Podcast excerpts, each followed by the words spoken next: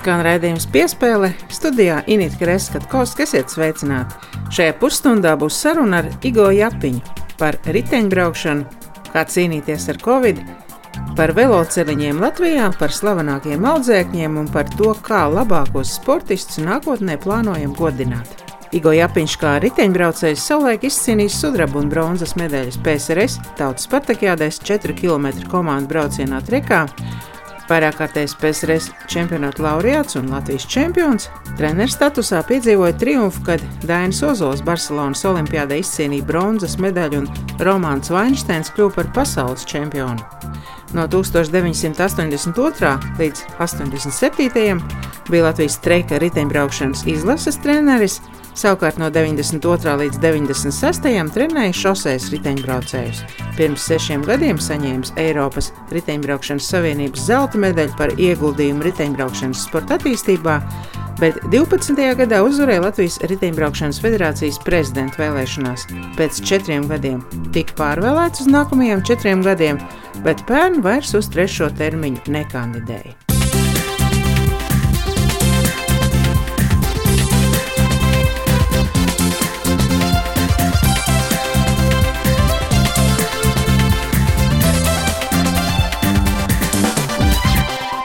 Šis ir laiks, kad vairāk ir laika sakārtot domas, paskatīties uz visu no malas, uzskaitīt arī gan Covid laika plusus, ja tādi ir, bet galvenokārt jau mīnusus.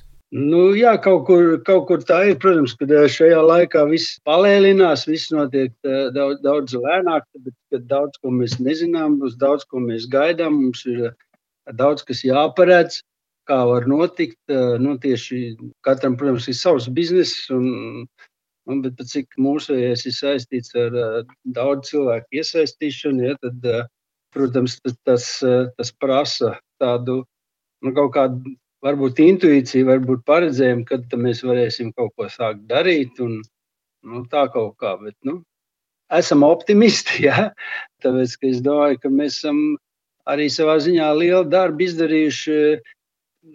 Nu, ne tikai mēs, bet arī citi, kas nodarbojas ar līdzīgām aktivitātēm, uh, lai mums nebūtu tik slikts stāvoklis, nu, vismaz mēs kaut kādu savu daļu esam ienesuši cilvēku veselības eh, uzlabošanā. Ja? Nu, man liekas, ka, man liekas, ka šis Covid jau nu, daudz ko te parāda. Praktiski es domāju, ka ir, ir karš. Nu, tikai uz mums šauj, vai mēs tos ierakumus esam izrakuši pietiekami dziļus, tas, tas ir jautājums. Nu, domāju, ka nē. Teica, ka ar dēlu izgājāt uzspēlēt hokeju un diemžēl pašam kājas lūzums. Bet runājot par grupiņām, kas bija spiests šosezon trenēties brīvā dabā, ir dzirdēts arī pozitīvs atsauksmes no tiem, kas nedzīvo lielpilsētās un kuriem nav jāizmanto sabiedriskais transports. Nu, tas tā mēs aizgājām paslidot. nu, jā, mums tāda nedaudz, tā kā, nu, varētu teikt, nedaudz, bet laimējās. Nu, es, man puika trenējās futbolā, Viņš jau maziņš, viņam ir 11 gadi.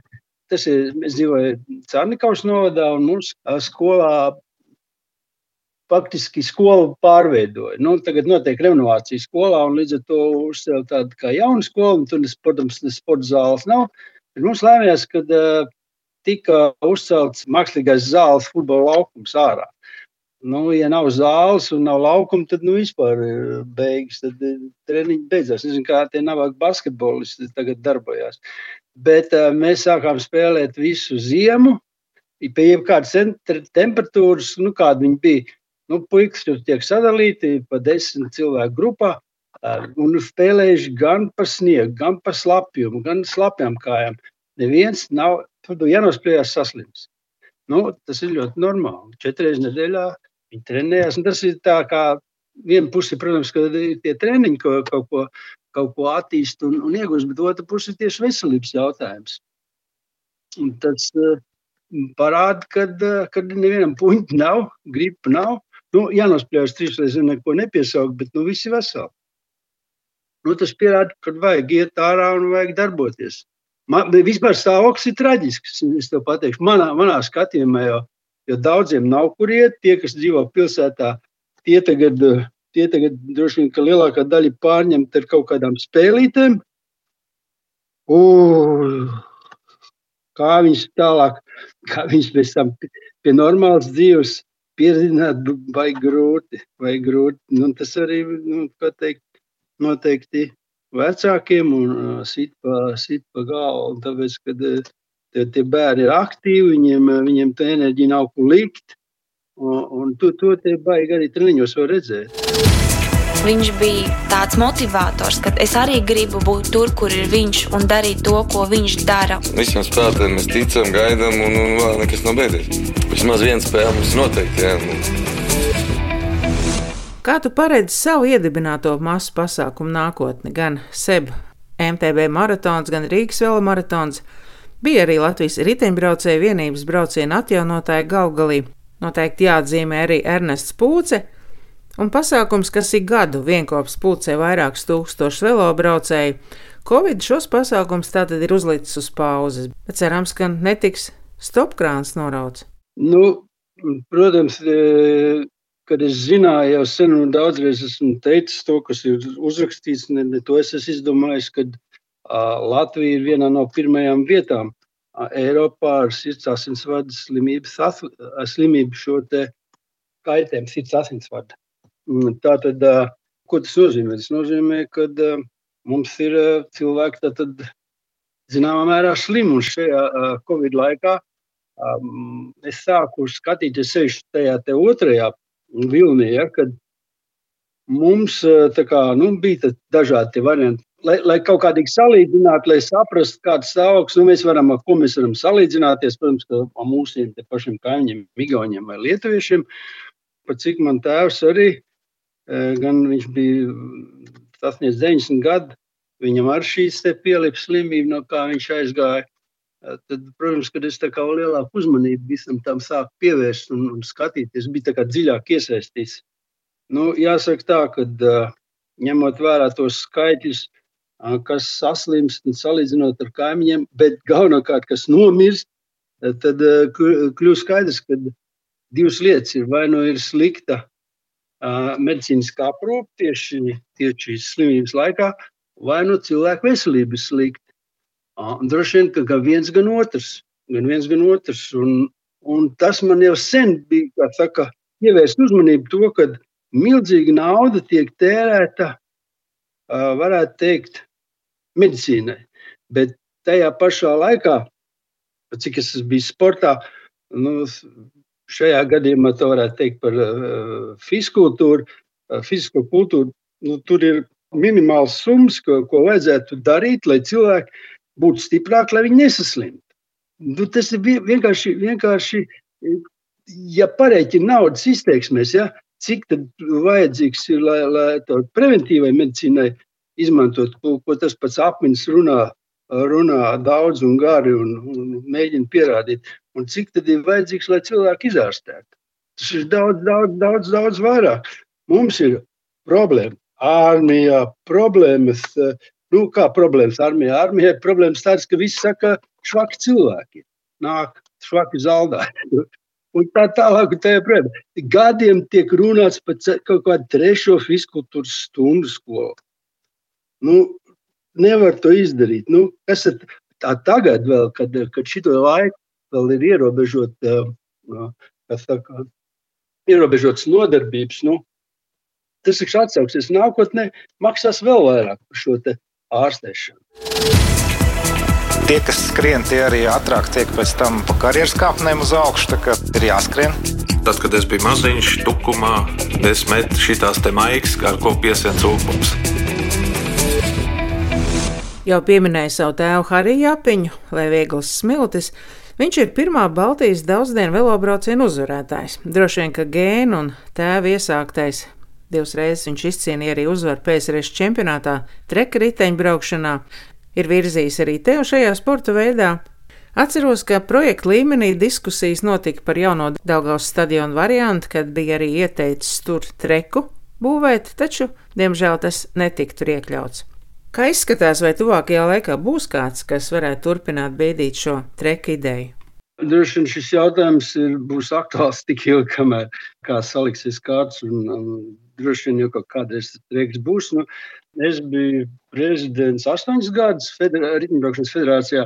Nu, mēs šo jautājumu visu laiku turējām pašā augšgalā un, un izmantojam jebkuru, jebkuru iespēju un skatījāmies, kā to varētu īstenot. Nu, par nožēlošanu manā laikā tas ne, nav ticis izdarīts. Bet tas, šī aktualitāte ir palikusi, un, un arī jaunā federācija padomi ir ļoti, ļoti nopietni tam pievērsusies, un, un šo aktualitāti nav izlaiduši no rokām un cenšas vēl vairāk to tātad, aktualizēt un, un ķeramies pie jebkuras iespējas, skatāmies, kā to varētu realizēt. Toms Marks te uzteica kā personību, kas viņu ir ievirzījis riteņbraukšanā. Tagad Toms ir federācijas ģenerālsekretārs. Es savukārt varu pateikt paldies tev par to, ka pat atgriezos uz velospēdu jau tā sakot labākajos gados, Par riteņiem turpinot, ir pagājuši gadu desmiti, kad stāstīja par veloceliņiem. Ļoti sen Latvijas rādio eterā runājām par veloceliņu nepieciešamību. Latvijā toreiz tāda jau bija Eiropā un Skandināvijā. Tagad tā ir mūsu ikdiena, un arī Rīgas centrālajās ielās ir veloceliņu braucējiem, piemēram, Čakielas autobraucēji nebūtu par to nav sajūsmā. Vai tu arī piedalījies šajos procesos ilgtermiņā un, un cik lielā mērā? ja tu atceries, tad eh, kaut kādas 90. gadu sākumā mm, mēs dzīvojam Beļģijā. Tas ir Latvijas izlases riteņbraukšanā, un, un tad braucam pa visu Eiropas sacensībās. Protams, ka man bija ļoti liela pieredze. Es visās iespējamās vietās mēģināju pastāstīt. Arī Rīgā, nu, padomāt, tas no 900 gadiem līdz šodienai ir pilnīgi cita aina ar šiem veloceliņiem un braukšanu ar riteni tas, ko kādreiz es stāstīju, nu, citiem ne, nelikās sa, saprotams, kā tā var un kā tas notiks. Bet nu, tagad tās lietas, nu, manā skatījumā, bija ļoti grūti izdarīt. Labi, ka tā vēl iztaisīts, jo tā Rīga ir uzspriegtēta tā, ka kad ir uh, grūti tos veloceliņus ieplānot tur, kur viņi nav. Tāpēc arī nevajadzētu kā cilvēks ļoti kritizēt, jo tiešām ir daudz vietas, ko viņas ir grūti izbūvēt. Bet tā, nu, es par šiem pēdējiem veloceliņiem, kas ir uz, uz Lāčplēša pielas, jau, kur, kur tagad mašīnas iet vienā straumē. Es domāju, ka to vajadzēja, to vajadzēja uzsākt kaut kādā pavasarī, kad tie braucēji daudzāk paliek. Jo tagad skats, ka tagad ir rudens, bija ziema, ja, kad braucēji daudz mazāk. Līdz ar to liekas, jo, kad mēs, mēs ierobežojam satiksmi, tajā pašā laikā neviens braucējs nav, nav redzams. Tur nu, neviens maz, un, protams, ka šoferi būs neapmierināti. Līdz ar to arī tāda, teiksim, pretnostādījumi paliek. Bet no otras puses, man liekas, ka tiem riteņiem varētu arī vairāk braukt, teiksim, laukrējonos. Tur laikam, es nezinu, varbūt kautrējās cilvēki, bet tā braukšana riteņi arī ir. Arī nodarbošanās ar fizisku. Tur aizbrauc uz darbu un apakaļ, tev nav jāiet uz zāli, jo es tu jau esi nobraucis savu. Tas bija interesanti uh, atvērt šīs durvis pēc 40 gadu pārtraukuma. Mums ir tā, ka sevi nedaudz jāizcīna un jāpārvar, jāizkāpj no tās komforta zonas, jo nevar jau visu laiku dzīvot komforta zonā. Braukt ar velospēdu pilsētā ir viens, un pa grāmatētu vai kalnainu vidu laukos tas ir pavisam kas cits. Nu, mēs uh, diezgan daudz esam Holandē dzīvojuši. Un Un, kad es tur aizbraucu pie puikiem, kad, kad mums bija jau komanda, ja, tad es eh, vienmēr paņēmu arī riteni un izbraucu treniņos. Un tad, uh, tas bija arī kaut kāds 90. gadu beigās, varbūt tā 2000. sākumā. Un, un viens pārīdz brauc, ja, nu, tur, tur eh, pie Valkenbārdas tur arī pasaules čempionāti notiek. Tur tāda diezgan, kā tu saki, kalnains, kalnains apvidus ir. Un, un tāds, nu, man ir sacīkš ritenis, es jau diezgan tā kā, nu, baigi trenējies, bet normāli, normālā fiziskā kondīcijā. Un tāds viens pensionārs, saprot, nu redzams, kāds tāds uh, padrūpnis aizbrauc, aizbrauc garām, man tā kā stāvošam te kalnā. Es domāju, nu veci, tas baigs atrenējies. Pēc kāda laika, nu ne kādu laiku, kaut kādu 50 metru, nu viņa dāma tāda arī groziņu vispār aizbrauc. Nu, beigās izrādās, jā, nu, tā, nu, jā.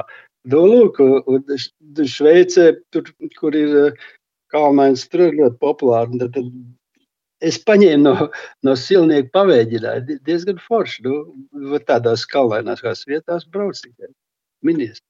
Tu vari regulēt. Nu, piemēram, ja tu brauc ar riteni, jau teiksim, nu, tā kāds 20 km, jau visu laiku pretvējš un pretvējš un pretvējš. Un, Un, ja tev nāk, tu paņem nu, vēl kalns kaut kāds, nu, paņem pārbraucam pāri un brauc atkal. Nav jau mūsu vecumā jau vairs nav, nav jāskrien. Nu, mums, ir, mums ir jākustās, tā es varētu teikt.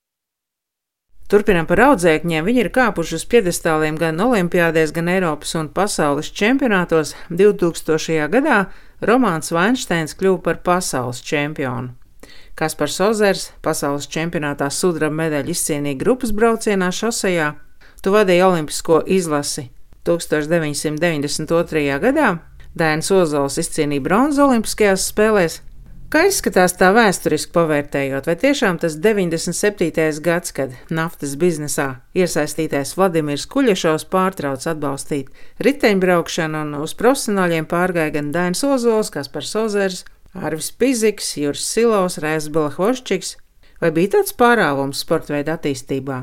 Nu, tas ir skaidrs, ka uh, paši mēs nevaram tādu komandu norganizēt nu, ar tādām finansēm, kāda ir nepieciešama. Bet mūsu uzdevums arī ir sagatavot braucējus pasaules līmenī. Un, ja tu gribi, nu, tā kā pa, pa vilku būt, tad vilkiem jādzīvo. Jau no paša sākuma, nu, protams, mēs uzsākām, tad, tad bija vēl sadalīts amatieru un profesionālais sports, bet uh, laika gaitā tas tika apvienots, un, un tur nebija vispār variantu. Tad, tad mūsu mērķis bija, lai šie puiši tur nokļūst. Tur arī viņi nokļu, no, nokļūst. Tālāk jau ir, tālāk jau ir viņiem viņi paši rokās, jo tas uzdevums nu, no kaut kādiem junioriem vai U23 nokļūt pie profiem ir garš ceļš jāiet. Un šajā, šajā procesā mēs, mēs arī strādājam. Nu, tur, tā arī tagad mēs tā darījām, ka mums bija rietumu komanda. Tad mūsu uzdevums bija um, nogādāt puikas tur, kur viņi var sacensties visaugstākajā līmenī. Nu, tā kā tagad vat, arī mums brauc Nēlands, Kuņš, Liepiņš, vēl kāds būs pēc Karlāja. Viens mats ir trausls, bet, ja sapīt bizē, tu viņu nekad nepārrausi. Ja? Un muskuļu šķiedra arī bija kvijums. Protams, vēlākais prieks, ka mēs palikām elitē, cīnījāmies un labi nospēlējām, es domāju. Atceros, ka savulaik bija Aigara Fadejo menedžers, un toreiz muzikālajā kafejnīcā Ligzda ierakstījām piespēles raidījumu, kurā viņš dziedāja, asistējot Užānam un Grestei. Tas bija diezgan amizants raidījums toreiz. Jā, tad ar Aigaru mēs iepazināmies 96. gada Olimpiskajās spēlēs, un nu, kaut kā viņš jau tāds atklāts un interesants puisis bija, attraktīvs. Un, Es biju beidzis, eh, biju beidzis eh, treneru gaitas riteņbraukšanā un sāku nodarboties, pat nezinu, jā, kaut kādā puķu biznesā, tur bija divus gadus. Un kaut kā tas bija sākums šiem te sporta, faktiski sporta pasākumiem. Eh, viņš tur briesmīgi ieras man stāstīja, cik tur, cik tur tajā soļošanā ir interesanti un tam līdzīgi. Nu, tur aizbraucu viņam līdzi uz kaut kādām sacensībām, Eiropas čempionātā. Tiešām paskatījos to visu un, un sapratu, ka vecīt, nu, tā, tā viss neies cauri. Nu, ja salīdzinām, riteņbraukšanu tajā laikā ar, ar soļošanas par čempionātiem, tad tur bija tā kā savu pret, pret mēnesi. Vienu sakot, mēs to visu modernizējām, sākam kaut kādu mārketingu, un ar Aigaru bija diezgan viegli, un, un sākam taisīt to šo, so, soļošanas festivāls. Nu, paralēli, uh, nu, Aigaram bija savs treneris, kas viņu trenēja, Es vairāk nodarbojos ar tādu kā stratēģiju. Nu, daudz iznāca glābt viņu dažādām situācijām, kādās viņš iekūlās un, un rehabilitēt. Tā kā, tā kā toreiz eh, viņš salauza kājas pēdi, ja mums bija jātais vingrinājumi, jāatsūt viņu uz basēnu, jāved uz Ēģiptiņu. Uh, un kur tur, viņš jau, jau pēc četriem mēnešiem varētu pasaules kausā startēt. Uh, piesaistīja Altīru viņam, kas tā kā arī Mums bija tāds tīms, labs, eh, ļoti labs. Ja viņš būtu klausījis, nu, viņš bija diezgan nevadāms, eh, nevadāms vecīts, tad, tad viņš noteikti būtu bijis pasaules čempions vai vēl kaut kādas medaļas izcīnījis. Bet nu, tas sudrabs, ko viņš dabūja Sidnejā, arī, arī bija ok.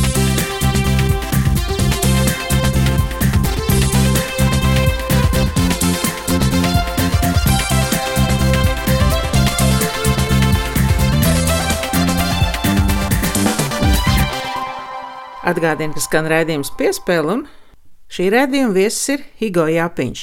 Pirms sešiem gadiem tu saņēmi Eiropas riteņbraukšanas savienības zelta medaļu par ieguldījumu sporta veidā attīstībā. Gadu vēlāk arī pirmo reizi Latvijas vēsturē tiks sarīkots Eiropas čempionāts MTB maratonā. Pēc diviem termiņiem vadot Latvijas riteņbraukšanas federāciju, uz trešo termiņu tu vairs nekandidēji. Ko tālāk? Mans mērķis bija novadīt uh, Tokijas Olimpiskās spēles, jo es biju aizbraucis arī uz Tokiju apskatīties šīs Olimpiskās trases 19. gada rudenī, ja nemaldos. Jā.